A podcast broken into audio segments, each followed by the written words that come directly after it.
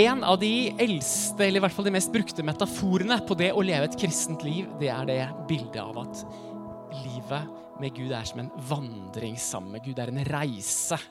Eh, Kanskje har du hørt uttrykket at vi er et pilegrimsfolk som er på vandring gjennom verden. Vi er på en reise. Og Det er ikke en metafor som bare har funnet på det. Den har sine røtter i de store bibelske fortellingene om Gud som kalte på Abraham, han som er stam for alle troende folk. og sier, Han kaller Abraham ut fra sin by, fra sin hverdag, fra sitt område der var han kjent. Så kaller Gud på Abraham og ber ham med på en reise en reise der hvor Abraham ikke vet helt hvor han skal, eller hvor lang tid det vil ta. Men han sier ja til å leve i tro på Gud. Og Noen av dere kjenner at kristenlivet har noen isbett av den spenninga der. En annen stor fortelling i Bibelen er historien om hvordan Gud kalte på Moses til å kalle med seg israelsfolket på en vandring fra mørket, fra Egypt, inn i frihet og inn i Kanans land. Og Mange av oss kan kjenne at ja, vår lille historie passer også inn i den store historien. Og så er det også sånn at Jesus til alle tider han har kalt på sine disipler med å si 'følg meg'. Følg etter meg. Og Det er det vi skal snakke litt om i dag. og Jeg gleder meg over de to ukene her. Silje glemte å si det, men vi kommer til å ha bønnemøter også gjennom disse to ukene her. Så på tirsdag allerede er det bønnemøte klokka seks. Så er det søndagsmøte, og neste uke så er det bønnemøte på torsdagen klokka seks. Har du lyst til å kaste deg med en dag eller to i, i bønn og, eller faste, sånn, så gjør også det. Men vi, vi går inn i, i, den våren her sammen i bønn. Eh, og jeg vet at veldig mange av oss som sitter i salen her, vi har sagt ja til å være med på den vandringa, på den reisa med Gud. Noen sa ja rett før jul, noen sa ja i 2010, noen sa ja i 1979. Eh, mange av oss har sagt ja, Jesus, jeg vil gå denne vandringen. Jeg vil leve for deg. Men så er det sånn, jeg vet ikke om det er sånn i din familie, men i vår familie så er det sånn at når vi skal ut på tur, ut på skogstur eller fjelltur, så har vi mange i vår familie som begynner å speide etter en rasteplass før vi har begynt å gå. egentlig. Um, og I storfamilien så er det litt min rolle at jeg kjenner at Kvikk Lunsjen brenner i lomma før vi har liksom parkert bilen ferdig. Nydelig å gå, nydelig å se ting, men fantastisk å sitte også. Og Jeg vet ikke om du kommer inn i det året her vandrende med Gud, sittende med Gud. Kanskje har du vært i noen indre kampene og blitt slått ned og liggende. Kanskje har du blitt stående stille. Kanskje har du hatt en rast som har vart i flere år. Og så har ikke Gud gått fra deg, men han kaller på deg på nytt innenfor et nytt år vil du vandre dette livet sammen med meg.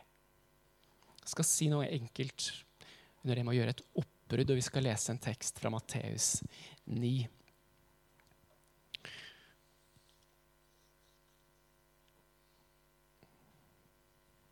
Matteus 9,9, er det ikke det? Jo, det var det. Det er liv i dere, eller? Ja, ja. I alle sammen, eller? Så bra. Det er veldig koselig å se dere igjen. Jeg har ikke vært der siden midten av november. Fantastisk å være tilbake igjen. I Matteus 9,9 så står det sånn her derfra, eh, ja, derfra gikk Jesus videre og fikk se en mann som satt på tollboden. Han het Matteus. Jesus sa til ham, 'Følg meg.' Og han reiste seg opp og fulgte ham. Kallelsen av Matteus. Hvor mange av dere er det som har sett den bibelserien Chosen? Eller sett litt på den? Jeg vil anbefale den. Eh, og Der har filmskaperne tatt seg litt sånn friheter og fremstiller Matteus som en litt, sånn, en litt sær type. Eh, og Når du først har liksom sett for deg at Matteus er sånn som på den filmen, så er det vanskelig to unsee it.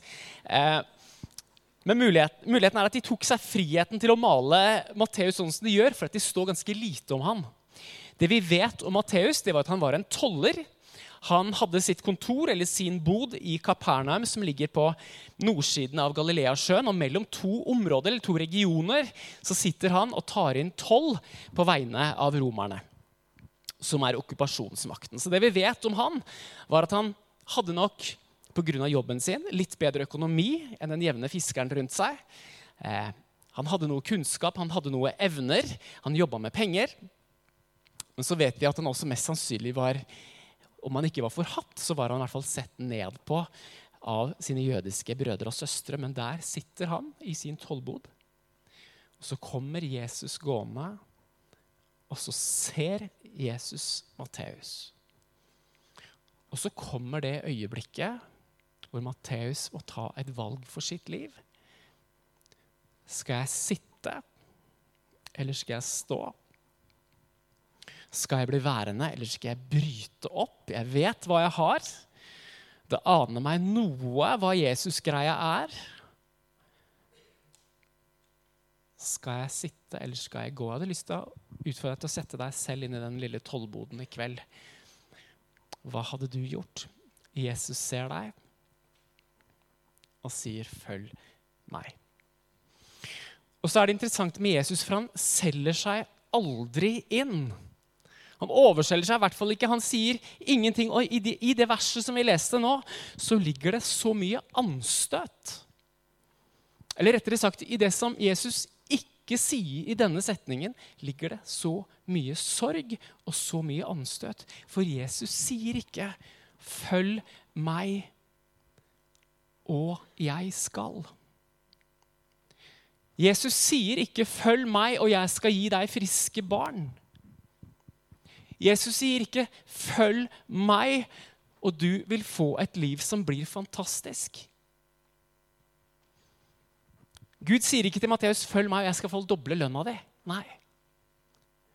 Helt nakent så står verdens skaper framfor Matteus og spør er jeg den personen jeg er, den kjærligheten jeg bærer til deg Når det gjelder oss, da, det offeret jeg båret for deg, er det nok? Er det nok for deg til å følge meg? Av og til så møter jeg mennesker som i vanskelige situasjoner istedenfor å klamre seg til Gud, går i anklage mot Gud.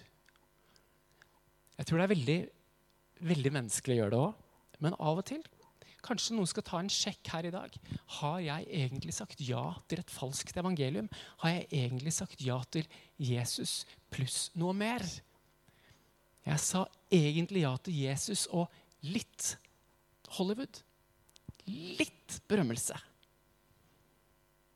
Jeg sa egentlig ja til en pakkeløsning. Jesus og helse. Jesus og et enkelt liv. En eller annen dag så vil det vise seg om det er pakkeløsningen du sa ja til. For det kommer ikke til å holde. Og det sanne evangeliet er at Jesus står foran deg og spør vil du følge meg. Det fins mange goder, mange velsignelser i Guds rike. Men vandringen med Jesus starter når han spør om han er god nok til å følge for deg. Så da sitter vi i den boden her, og så kommer Jesus. Hva er det som får oss mennesker til å reelt sett bevege oss? Det er lett for oss å si ja, men Gud er Gud, selvfølgelig vil vi ha han, og vi løper etter han. Men, men hva er det som egentlig skal til? Og jeg tror Den hellige ånd pekte på to ting som han vil gjøre iblant oss, og som jeg har lyst til å sette litt ord på i dag. Jeg tror det er sånn at det som får oss til å bevege oss, når Gud kaller oss 'følg meg', det som reelt sett kan få oss til å begynne å bevege oss mot Jesus, det er ett av, et, et, et av, to ting. Og det er det som har fått mennesker til å bevege seg til alle tider. Og det ene er fattigdom. Tenk på det, Hva var det som fikk forfedrene våre til å dra til USA? Det var fattigdom. Hva er det som får mennesker fra Afrika til å ta farefulle ferder til Europa? Jo, det er fattigdom. De ser ikke at livet kan leves videre der de står akkurat nå. Det er ikke liv laga her. Jeg ser ikke en framtid der jeg er akkurat nå. Jeg må bryte opp, jeg må et annet sted. Her jeg er, er ikke bra nok. En slags fattigdom. En annen ting som driver oss på vandring, det er at vi har sett noe. Vi har fått glimt av noe, vi har blitt fascinert av noe. Derfor så selger vi leiligheten vår på Ensjø og så kjøper vi et, en bondegård i Lofoten. For vi har sett noe, vi har putta drømmene våre i det. Og så er det verdt oppbruddet. Vi har sett noe der framme. Det er derfor folk flytter til Vestlandet for å gifte seg. ikke sant? De ofrer det som skal til for det man har sett der.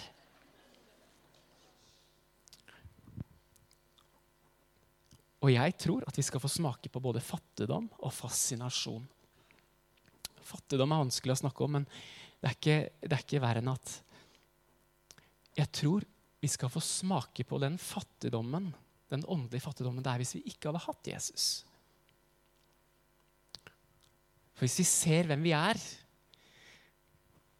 uten Jesus, så får vi et behov for å løpe til Jesus og ta imot det han har for oss. Noen av dere vet at jeg var på at jeg har hatt fire ukers permisjon før jul. Jeg skulle koble av og skulle koble på. Skulle koble litt av hverdag. Og skulle koble på med å få lese litt bøker og være litt i bønn og, og bli inspirert forskjellige steder. Det var fantastisk. Jeg, jeg, skulle ikke hvile bort hviletiden min, så klokka 05.00 mandag morgen når permisjonen starta, så var jeg på Gardermoen. Da skulle jeg på retreat til Italia. Høres ikke det utrolig bra ut? Én uke retreat i Italia. Helt fantastisk. På et kloster, selvfølgelig. Um, og på bildene så det veldig veldig bra ut. Um, litt sånn fjellby i Umbria, Italia. Tre timer sånn humpetog fra Roma. Skal legge fra meg mobilen. Dere som ikke har barn, vet kanskje ikke hvor voldsomt det er. Men liksom, det er seks dager uten noen forventninger, ikke noe ansvar, ingenting. Alene med Gud på, på, på retreat. Så drar jeg dit. Så hadde jeg med meg sko, for det er et fantastisk område å gå turer. Eh, men så var det så dårlig vær. Det regna og blåste, så du måtte liksom bare holde øya igjen og prøve å komme deg gjennom gaten når du måtte ut. Så jeg ble mye inne på det klosteret. Eh, og så viste det seg at de som Det var jo fem nonner på det klosteret, og ingen av de snakka engelsk. Eh, så vi, altså Stemningen var god. Vi måtte snakke gjennom sånn mobiltelefon translate-greier. så det fløyt jo ikke helt, da. Um, og så var det sånn at hun yngste av de, 77 år gammel nonne, hun tok meg med på en sånn tour i dette her, eh, dette her klosteret. Og jeg sa veldig mange ganger at jeg skjønner ikke italiensk vi må ta det på engelsk, men hun skjønte ikke at jeg ikke skjønte. Eh, så etter hvert, fordi at jeg kom og det var kveld, så lot jeg henne ta meg rundt, og jeg nikka og smilte. yes, kjempebra. Det jeg skjønte var at Hun sa at det fins en sone for oss nonner, og så fins det en sone for dere gjester. Du er den eneste gjesten her, men pass på at du holder deg til din sone og ikke går der som vi er. Og så var det sånn at Jeg nikka og smilte og sa ja. for å men jeg skjønte ikke hva hun sa, så hele, hele uka så gikk jeg rundt livredd for å være i feil sone. Eh, og de sparte på strøm, så alle rommene var mørke. Og jeg var redd for å gå inn og vekke eller å forstyrre. Eller sånn. Så jeg, var på retreat. Det var kjempedårlig vær ute, det var kjempekaldt og mørkt inne. Men jeg hadde mitt lille sju kvadratmeter store soverom. Og det var jo i hvert fall retreat i Italia. Så det var jo var noe. Eh,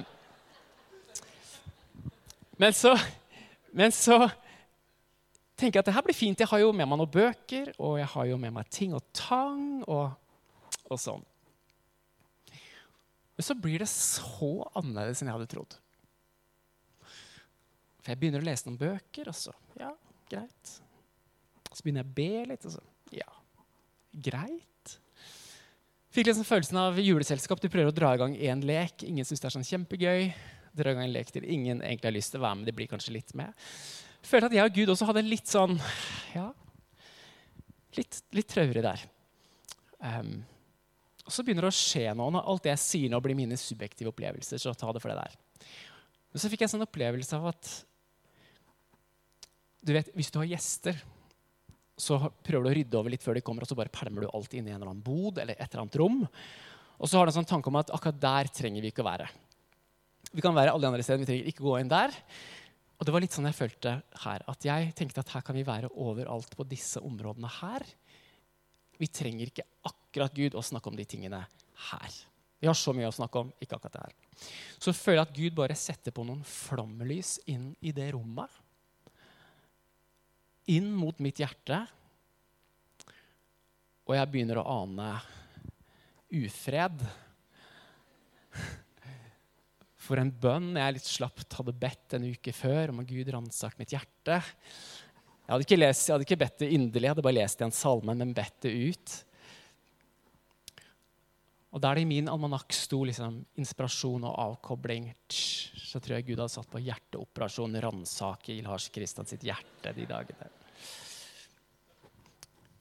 Det er litt spesielt når lyskasteren blir satt på ditt eget hjerte.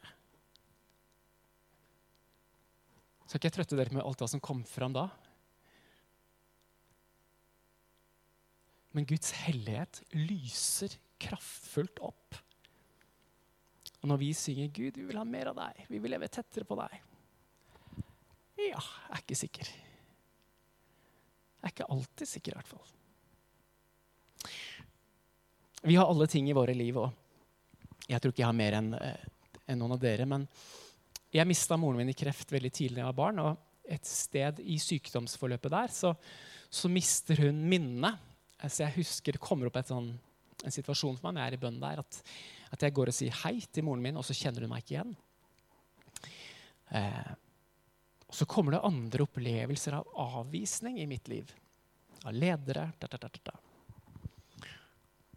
og hvis du hadde spurt meg dagen før jeg dro om Lars, kjemper du med avvisning? Jeg hadde sagt nei, kjære tid. Vi har alle vårt. Kanskje litt en gang iblant. Hvis noen hadde satt liksom øya i meg og sagt skulle vi be, er det noe her, så kunne jeg kanskje sagt ja, det har vært en litt sånn øm tå i livet mitt, men det er, ikke noe, det er ikke noe å snakke så veldig om. Men det er litt sånn, hvis du har en flekk på deg, et sånn dunkelt rom, fått en flekk på genseren, sånn, så går du inn på badet, og så er lyset bare så skarpt. Så er det sånn Jeg har en flekk på den genseren. Um, og når du går inn i Guds flomlys, så er det ikke sånn Lars, du sliter litt med avvisning. La oss si I et dunkelt rom så hadde jeg ikke tenkt på det.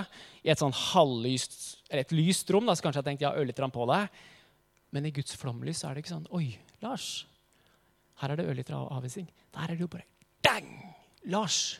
Det er jo et krater av Altså, her er du, du, du har laga et krater av forsvar rundt dette her i livet ditt. Når du forteller historien om ditt eget liv, så forteller du den sånn at du alltid kommer godt ut av dem. For du vil jo bli likt.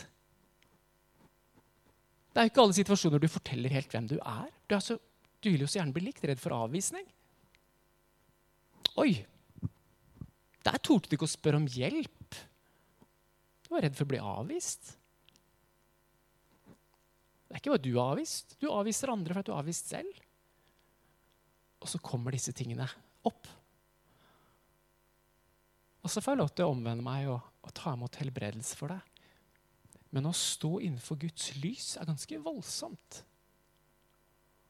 Og så sitter jeg og tenker Her var jeg en pastor rimelig i vater som skulle få litt inspirasjon. Og så tas jeg bare helt ned til en synder i desperat behov av tilgivelse og helbredelse. Når vi ser vår egen åndelige fattigdom, så driver det oss til Jesus. Kan det være veldig forskjellige ting? Kanskje tenker du at jeg ja, kanskje har litt dårlig selvtillit. Kanskje tenker du ikke på det til det jevne, men hvis du går inn i et lyst rom, noen spør deg og ser deg i øynene, så sier du ja, kanskje litt dårlig selvtillit. Men så kommer Guds lyskaster på. Så er du ikke litt synd på deg for at du har litt dårlig selvtillit. Da er du et krater. At du ikke bare tenker vondt om deg selv, men du konkurrerer med de andre. Så du tenker dumt om de andre. Kanskje setter du mennesker opp mot hverandre for å føle deg bedre selv. Kanskje sprer du gift gjennom baktalelse. Da er det misunnelse, så kommer uorden, og så er det så mange flere ting når Guds lys kommer helt tett på. Så tenker du, hva, ja, Jeg har litt frykt i livet mitt, men det er ikke mer enn det er ikke mer enn såpass bør det være. Nei, kanskje ikke. Kanskje noen ber for det, sier jeg kjemper litt med frykt. Bra.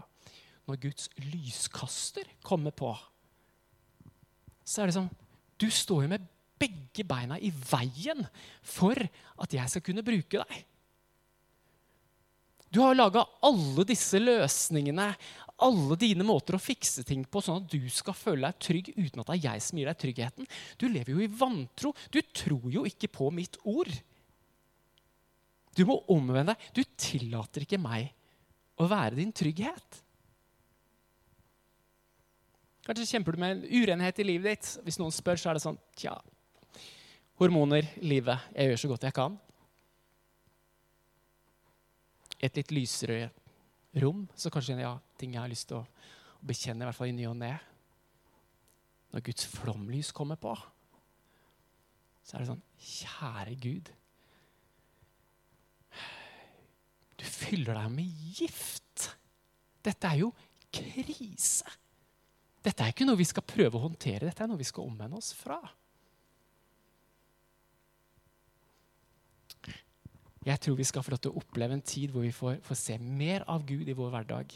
Jeg tror vi skal få lov til, Som Guds rike i Norge, at vi skal få se Gud mer, gjøre mer midt iblant oss. Men med det så kommer det også en hellighet.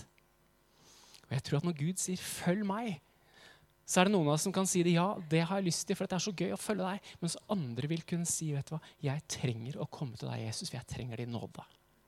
Jeg trenger din nåde over mitt liv. Og da er Jesus sitt svar at han har alt du trenger.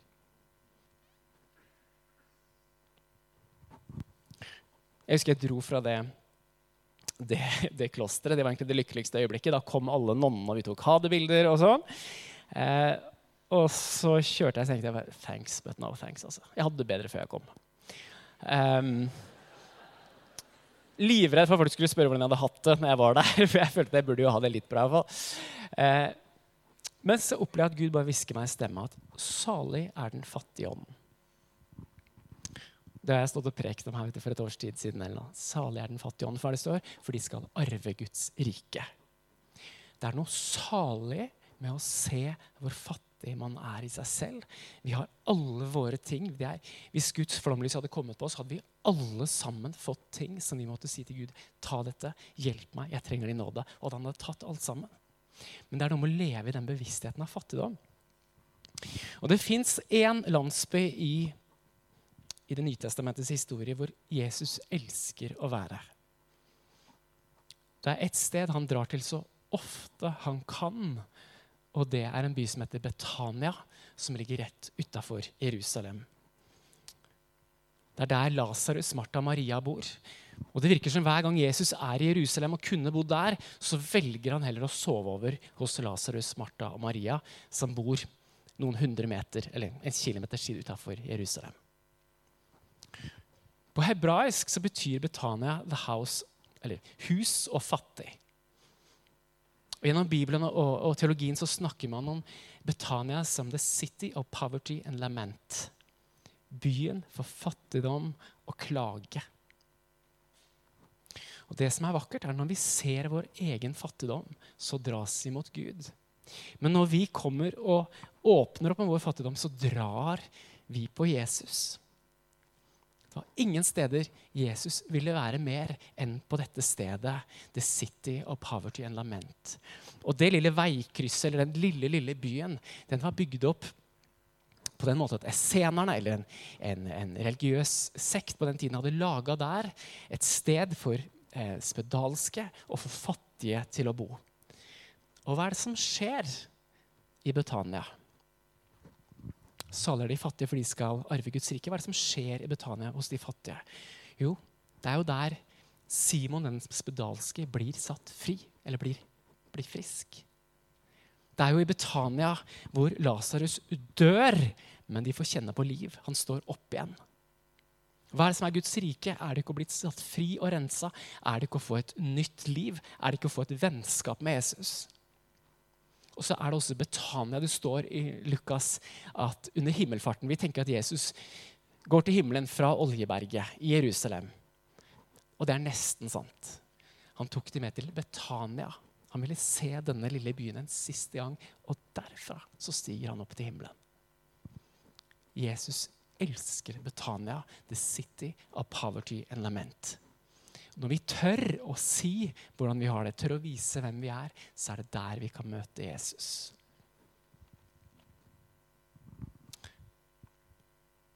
Større hellighet, mer av Gud, det er en fest. Det er en mulighet til å bli satt fri fra ting, det er en mulighet til å leve lyset på ting. Men jeg tror det er noe Gud kommer til å gjøre. Han kommer til å vise oss ting i våre liv som vi skal få lov til å vende oss bort fra. Så når du sitter i tollboden din, én grunn til å si ja til Jesus, jeg følger deg, er for at vet du hva, jeg trenger det. Det er ikke liv der jeg er nå. Det er ikke vekstmuligheter der jeg er nå. Det, er ikke, det, er ikke sånn, det kan ikke være sånn det er her lenger. Jeg må til deg. jeg må få bli ren. Jeg må bli rensa av deg, av din nåde. Så er det også en annen måte å svare på for Matteus. Det ene kan være 'jeg trenger deg'. Det andre er at 'jeg vil bare være der du er'. Litt som disse som har sett etter småbruk i Lofoten, og som har putta sitt håp og sine lengsler sine drømmer, sier vi må til Lofoten. Sånn det også, går det også an å ha det med Jesus. At der du Jesus er, der må jeg være. Vi skal lese en tekst fra Johannes her. Vi er fortsatt i Betania. Seks dager før påske kom Jesus til Betania, der Lasarus bodde. Han som Jesus hadde vekket opp fra de døde. Der ble det holdt et festmåltid for ham. Martha varta opp, og Lasarus var blant dem som lå til bords sammen med han. Da kom Maria med et pund ekte, kostbar nardussalve. Og med den salvet hun Jesus' føtter og tørket dem med håret sitt. Hele huset ble fylt av duften. Da sa Judas Iskariot, en av disiplene, han som siden forrådte ham, hvorfor ble ikke denne salven solgt for 300 denarer og pengene gitt til de fattige? Husk at nå er vi dette fattigstrøket. Eh, dette sa han ikke fordi han hadde omsorg for de fattige, men fordi han var en tyv. Det var han som hadde pengekassen, og han pleide å ta det som ble lagt i den. Men Jesus sa, 'La henne være. Hun har spart salven til den dagen jeg skal begraves. De fattige har dere alltid hos dere, har dere alltid hos dere, men meg har dere ikke alltid. Dette er en fantastisk historie fra det samme stedet. Denne teksten eller denne salvelsen står det om i alle de fire eh, evangeliene, så vi vet ganske mye om akkurat denne settingen her. Og selskapet er hjemme hos eh, Simon, som tidligere har vært spedalsk. Så her er det en eks-spedalsk som inviterer en eks-død, Lasarus, og venner til fest. Det må jo ha vært, eh, det må ha vært forrykende fest. Eh, og så var det sånn at Selskapene det var jo ikke kvinner og menn. Så her var det menn som satt slash lå til bords, og så fikk Martha lov til å være med å tjene. Men så er det en person som vet hvor Jesus er, og som bare tråkker gjennom festen og kommer til Jesus og begynner å salve ham. Og hvem er det? Det er jo Maria. Hun har sett noe hos Jesus, hun har møtt noe hos Jesus som sier at vet du hva, uansett hvor han er, jeg må være der Jesus er. Jeg har sagt det før, eller fortalt det mange ganger. Jeg var på en sånn pinseledersamling. Og så ble vi alle spurt om hvorfor vi er i tjeneste, og deler litt hjerte. Og Vi snakker om ungdommer, vi snakker om misjon, vi snakker om alle gode ting. Og så kommer det en eldre mann som svarer jeg er i tjeneste for at Jesus er så vakker. Og alle vi andre skjønner at vi har bomma helt på svaret, og det blir stille i rommet. Jesus har trukket på menneskers hjerter til alle tider. Og Det går an å ha en kjærlighet til Jesus som gjør at der Jesus er, der vil jeg være. Og jeg vet at den salen her så er det mange av dere som bare kan stadfeste innenfor et nytt år. Vet du, Jeg har møtt Jesus, og det er mer verdt enn alt annet.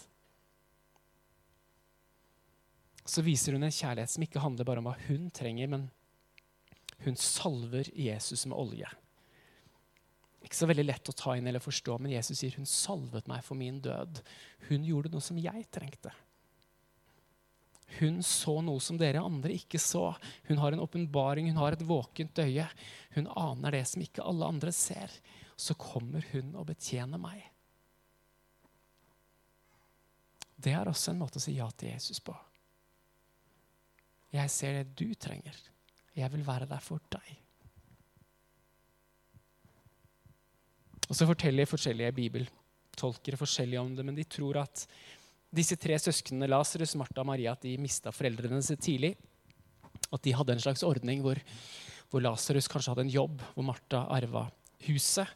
Og hvor Maria hadde fått denne oljen, denne dyre, dyre, dyre oljen som skulle kunne brukes som en sånn med, medgift, som en gave til en eventuelt svigerfamilie som en mulighet for at hun kunne bli gift og bli forsørga. En olje som var veldig mye verdt. Det var det hun hadde. Det var den sikkerheten hun hadde for å bli forsørga, den sikkerheten hun hadde for framtida si. Og så kommer hun så bare knuser hun den, den krukka foran Jesus. Og sier at det er så mye som er bra, men det er ingenting som er så bra som deg, Jesus. Jeg kunne trengt det selv, men vet du hva? Jeg vil gi det jeg har til deg. Et fantastisk tilbedende hjerte. Og jeg tror Gud har gitt mange dette hjertet. Jeg tror han vil vekke dette hjertet. Som kommer til Jesus. vet du hva? Jeg har sett mye bra. Det er mye godt det går an å bruke livet sitt på. Men det er deg jeg vil legge ned alt for. Ca. 200 meter fra det, det klosterrommet, eller det rommet jeg bodde på i Italia, så, så ligger det et lite torg. Eller kanskje 100 meter, egentlig. Rett ned. På det torget så skjedde det noe på 1200-tallet som, som, satte sånne sjokkvirkninger inn i hele Europa. Et kjent torg. For det var en gutt, Giovanni, i denne byen her, som var en rikmanns sønn, som var den som spilte opp til dans, og den som betalte for vinen, eh, og som var byens glade gutt. Han var sønn av en far som gjorde det veldig godt innen handel med, med stoffer. Og Faren hadde bygd opp en kjempebedrift, og faren hadde nå blitt den rikeste i hele byen. Og Giovanni skulle ta over denne kles, eller denne stoffbutikken. da. Men så skjer det at på den tida så det man drømte om, det var å dra i korstog. Og han hadde sin egen hest, og han dro på korstog, men så ble han sjuk og kom tilbake. og så begynner han å kjempe med hva han skal bruke livet sitt til. Og så kjenner han at Gud begynner å kalle på hjertet hans. Og så er det mange historier her, men han begynner å bruke tid på å pusse opp et lite kapell. Han begynner å ta noe av pengene fra pappaen, eller noe av pengene han fikk av faren, til å gi til prestene og begynne å bygge opp dette kapellet. Og så blir faren hans han blir så rasende at han putter sin egen sønn i fengsel. Unnskyld. Jeg vet ikke om jeg er for det, men på den tida kunne faktisk fedre putte sine egne barn i fengsel. Men så drar det seg til en rettssak der hvor biskopen både er dommer og, og biskop da, i denne byen, på dette torget rett under der jeg bodde. Og så er det anklagen fra faren at han har brukt penger på andre ting enn det pengene skulle brukes til, og han er ikke en god nok leder, eller han er ikke klart å ta over bedriften på den måten som jeg ønsker at han skal være. Og han blir anklaga. Akkurat der og da så skjer det noe så dramatisk som at Giovanni river av seg alle klærne og står naken foran alle. Og så sier han, 'Fra og med i dag så har jeg bare én far.' De trodde det handla om businessen, og sånne ting, men for han så var det en indre strid om å tjene sin egen far eller å tjene Gud. Og Der og da så river han av seg alle klærne, kaster pengene og alt i faren. Og så sier han foran biskopen sin fra og med i dag så er det bare Gud som er min far. Um, så forteller de at eh, biskopen på et tidels sekund finner en sånn strisekk og kaster til Giovanni.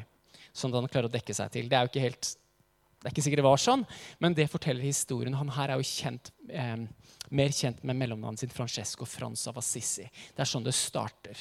Han sier, vet du hva, jeg kjenner meg dratt mot det, jeg kjenner meg dratt mot det, men min dypeste lengsel det er å leve 100% for Gud. Og nå sier jeg opp denne kampen. Jeg går 100% for Jesus. Jeg sier fra meg det jeg sitter i. Jeg går for det som Gud kaller meg til.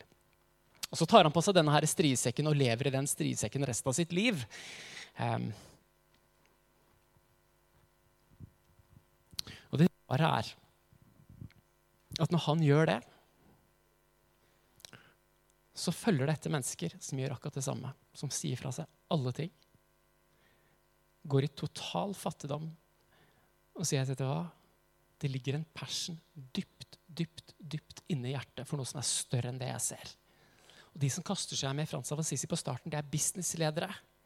Det er det som i dag ville vært advokater og dommere. Det er de i høye posisjoner som sitter i noe, men som kanskje kjenner at de sitter fast i noe. Og så bryter Frans av opp. Og så vet vi hva det har betydd for kirkehistorien. Men det handla om å si at du hva? Dette lokker på meg, dette lokker på meg. Men vet du hva? Jeg har sett noe som gjør det verdt det å legge alt annet til side og gå for Jesus.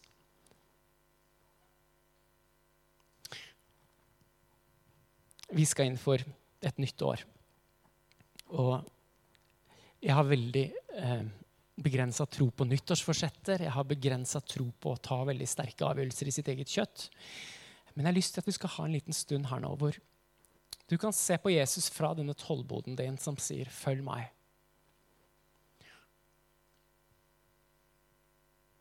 Skal du få til å svare Jesus. Kanskje svarer du 'hjelp meg', så jeg kan følge deg. Kanskje sier du 'vet du hva', jeg må komme til deg, for du trenger å rense meg. Jeg må komme til deg, for der jeg sitter akkurat nå, så er det ikke noe liv.